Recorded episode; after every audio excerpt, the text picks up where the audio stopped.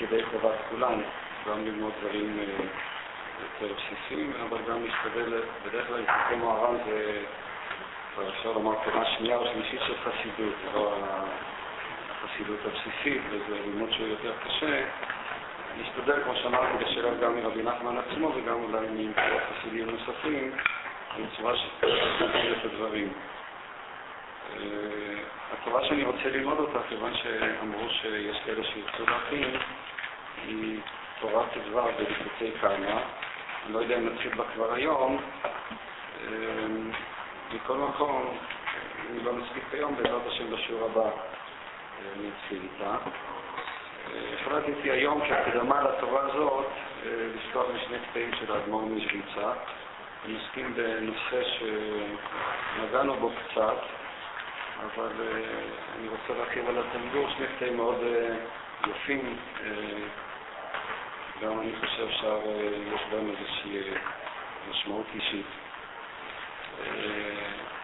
האדמו"ר משוויצה, מי שלא יודעת, היה תלמיד של הרבי מקוץ כשפרש ממנו בסערה גדולה. יש את הסיפור שלא אספר אותו עכשיו, על השבת שבה הוא פרש, עשה למעשה מה שחסיד אסור לו לעשות, עם ככה קריאה, מקום שיש חילול השם, הם חולקים כבוד לרב. ויסד חסידות עצמאי בפני עצמו.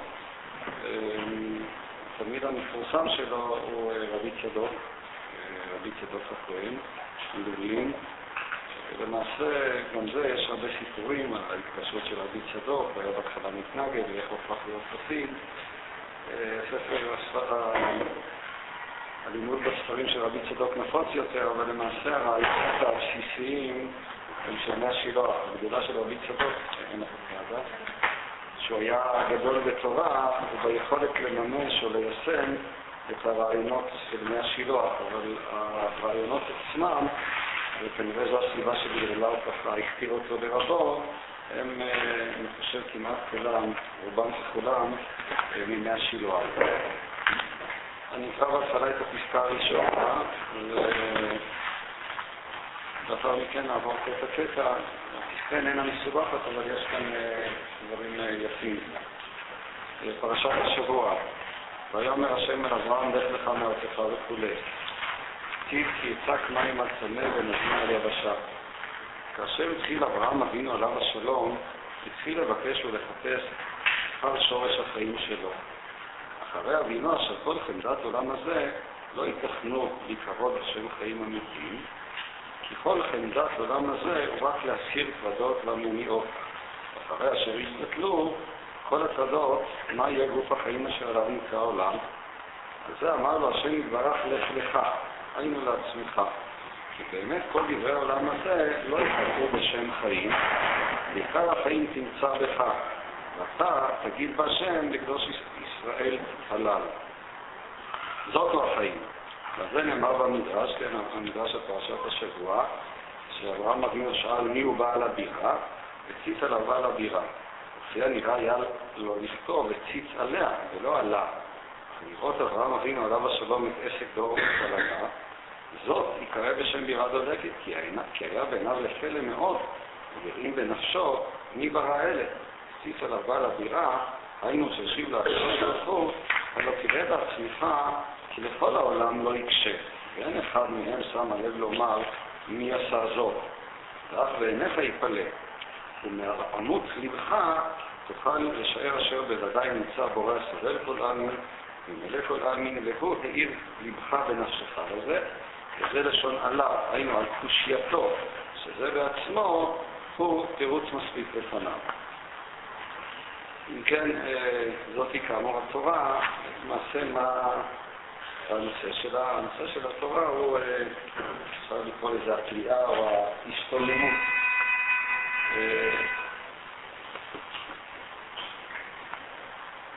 מה שהאדמו"ר מליוויצה כאן מלמד, שההשתולמות עצמה היא תהיה אמונה, כן? וזה המשפט האחרון שהוא אומר, שהחושייה עצמה הוא תירוץ מספיק לפניו. ואני אנסה להסביר את הדברים, מה, מה, מה הוא אומר כאן. אברהם אבינו, כפי שהוא אומר, מחפש אחר שורש החיים שלו, משום שהוא רואה שכל חמדת העולם הזה הוא רק להסיר טרדות ומניעות. ואחרי אשר יתבטלו הטרדות, מה יהיה גוף החיים אשר עליו נקרא עולם? כלומר, הוא מתאר כאן סיטואציה שהיא בעצם הסיטואציה של המראה קיומית, שהקטע הזה הוא מאוד קטע קיומי, אקסיסטנציאלי, אפילו אקסיסטנציאליסטי, במובן שהוא באמת מתאר תיאורים שהם מאוד קיומיים. מה שהוא מתאר כאן זה הסיטואציה של העולם, שהיא בעצם רק סיטואציה, כפי שהוא אומר, להסיר טרדות והמימיות. ואחרי, ואחרי השם יתבטלו כל הטרדות, מה יהיה גוף החיים? כן, הסיטואציה שמתארת כאן, פילוסופים האקסיסטנציאליסטים קוראים לה בשם הדאגה.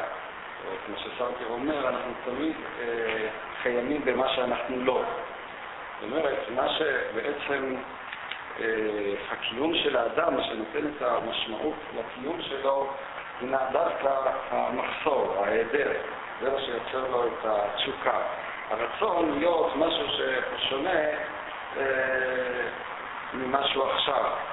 לא נמצא בהווה בדרך כלל, או כמעט ולא, במובן שיש לו את היכולת אה, אה, לקבל את הסיפוק, את ההנאה, את העונג שלו מעצם מה שהוא עושה עכשיו, אלא מה שהוא עושה עכשיו הוא תמיד אה, מכוון, הוא אמצעי לקראת מה שיבוא אחר כך. אני לומד, בשביל מה אני לומד?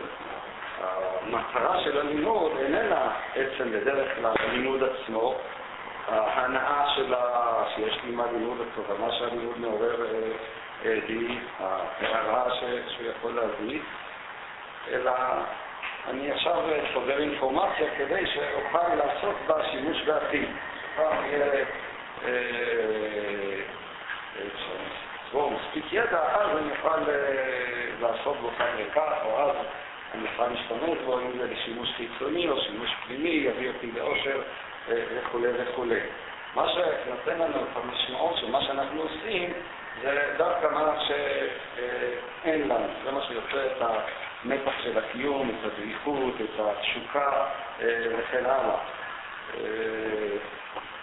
אולי אתם מכירות את הבדיחה הידועה שאפשר אולי לספר אותה בהקשר הזה, זה היה עשיר שעובר ליד דייג ויש הדייג יושב שם דג דגים, עושים סיגריה כל זמן. והחייל העשיר הזה נעצר, שואל אותו, מה אתה עושה כאן? אז הוא אומר לי דג דגים. בשביל מה אתה דג דגים? אז הדייג התחיל לשאול את התייר ההפך, מה אתה רוצה שאני אעשה? אני רוצה שתעבוד. מה יהיה אם תעבוד? אם תעבוד יהיה לך כסף. מה תעשה אם יהיה לך כסף? יהיה לי כסף, אז יהיה לך זמן לדוג דגים. אמר לו, הנה אני עושה את זה כבר עכשיו. זאת אומרת, משהו בעצם, אה, אה, אה, כן, הרעיון שהוא הביע, שאנחנו תמיד, כן, לא השוויצה מתאר את זה מאוד יפה. העולם הרבה פעמים דומה בינינו לאיזה מין מרוץ מכשולים, שכל מה שאנחנו עושים זה רק להסיר הטרדות והמניעות.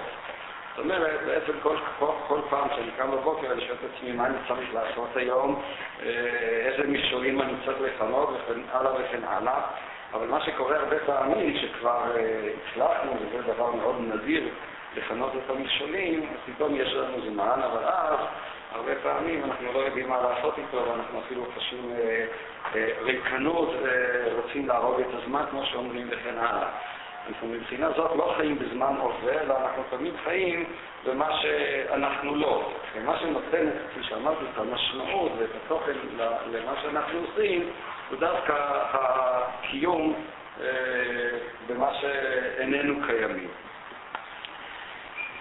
ויותר מזה, כפי שאמרתי, מבחינה קיומית, אנחנו לא יכולים לחיות בזמן הווה, משום שאנחנו שואלים את עצמנו, אם כן, מה יוצא מזה, בשביל מה זה, איזה סיפוק זה נותן. זה מחייב, כדי להיות בזמן הווה, כדי לקבל סיפוק ממה שאתה, זה מחייב, הייתי אומר, איזו צורת חשיבה שונה. וזו צורת חשיבה שמבחינתנו הרבה פעמים אה, היא, אה, היא, אה, היא תמיד לא, לא אפשרית, משום שעצם. המבנה של הקיום הוא תמיד מבנה כזה של חריגה מעצמי, של להיות אה, אה, אה, במה שאני לא, של סיפוק שבעצם נובע רק מכך שאין לי את הדבר הזה. אני מרגישה שגם ביהדות יש את הציפייה לגאולה, לישועה, למשיח, למקדש, גם איזה תחזינה עינינו כזה. יש פה את העורביות, את השהייה בעורביות. שאלה טובה, אדרבה, אולי מישהי... הייתי יכולה לכתוב את זה אולי בצורה יותר טובה, לכתוב את זה מהפרספקטיבה של עולם הבא. מה הייתם אומרות באמת על השאלה הזאת? האם באמת התורה, היהדות וכן הלאה, גם כן יוצרת איזה קיום במה שלא? או האם הציפייה לגאולה גם כן... אתם חשבת את זה באותו אופן, כמו הסיטואציה הזאת הקיומית של הדאגה שמתואר כאן, של ה... האמת היא שכבר ראשונים תיארו את זה, מה? כאילו זה בעיה ידועה, אתה שם את מעיינך יותר מדי בעתיד, אז אתה מניח את זה, זאת אומרת, אתה לא רוצה כל כך להסתכל יותר, וכל האנרגיה שלך לא נכנס כל כך להסתכל על זה, אלא לעתיד כאילו, אני לא מרגישה העולם הזה בעולם הבא נקרא לו אפילו שכולם ביהדות. בבודהיזם זה הרבה יותר חזק משהו ככה. יש משהו, יש קרירות במעגל הזה שזה עתיד,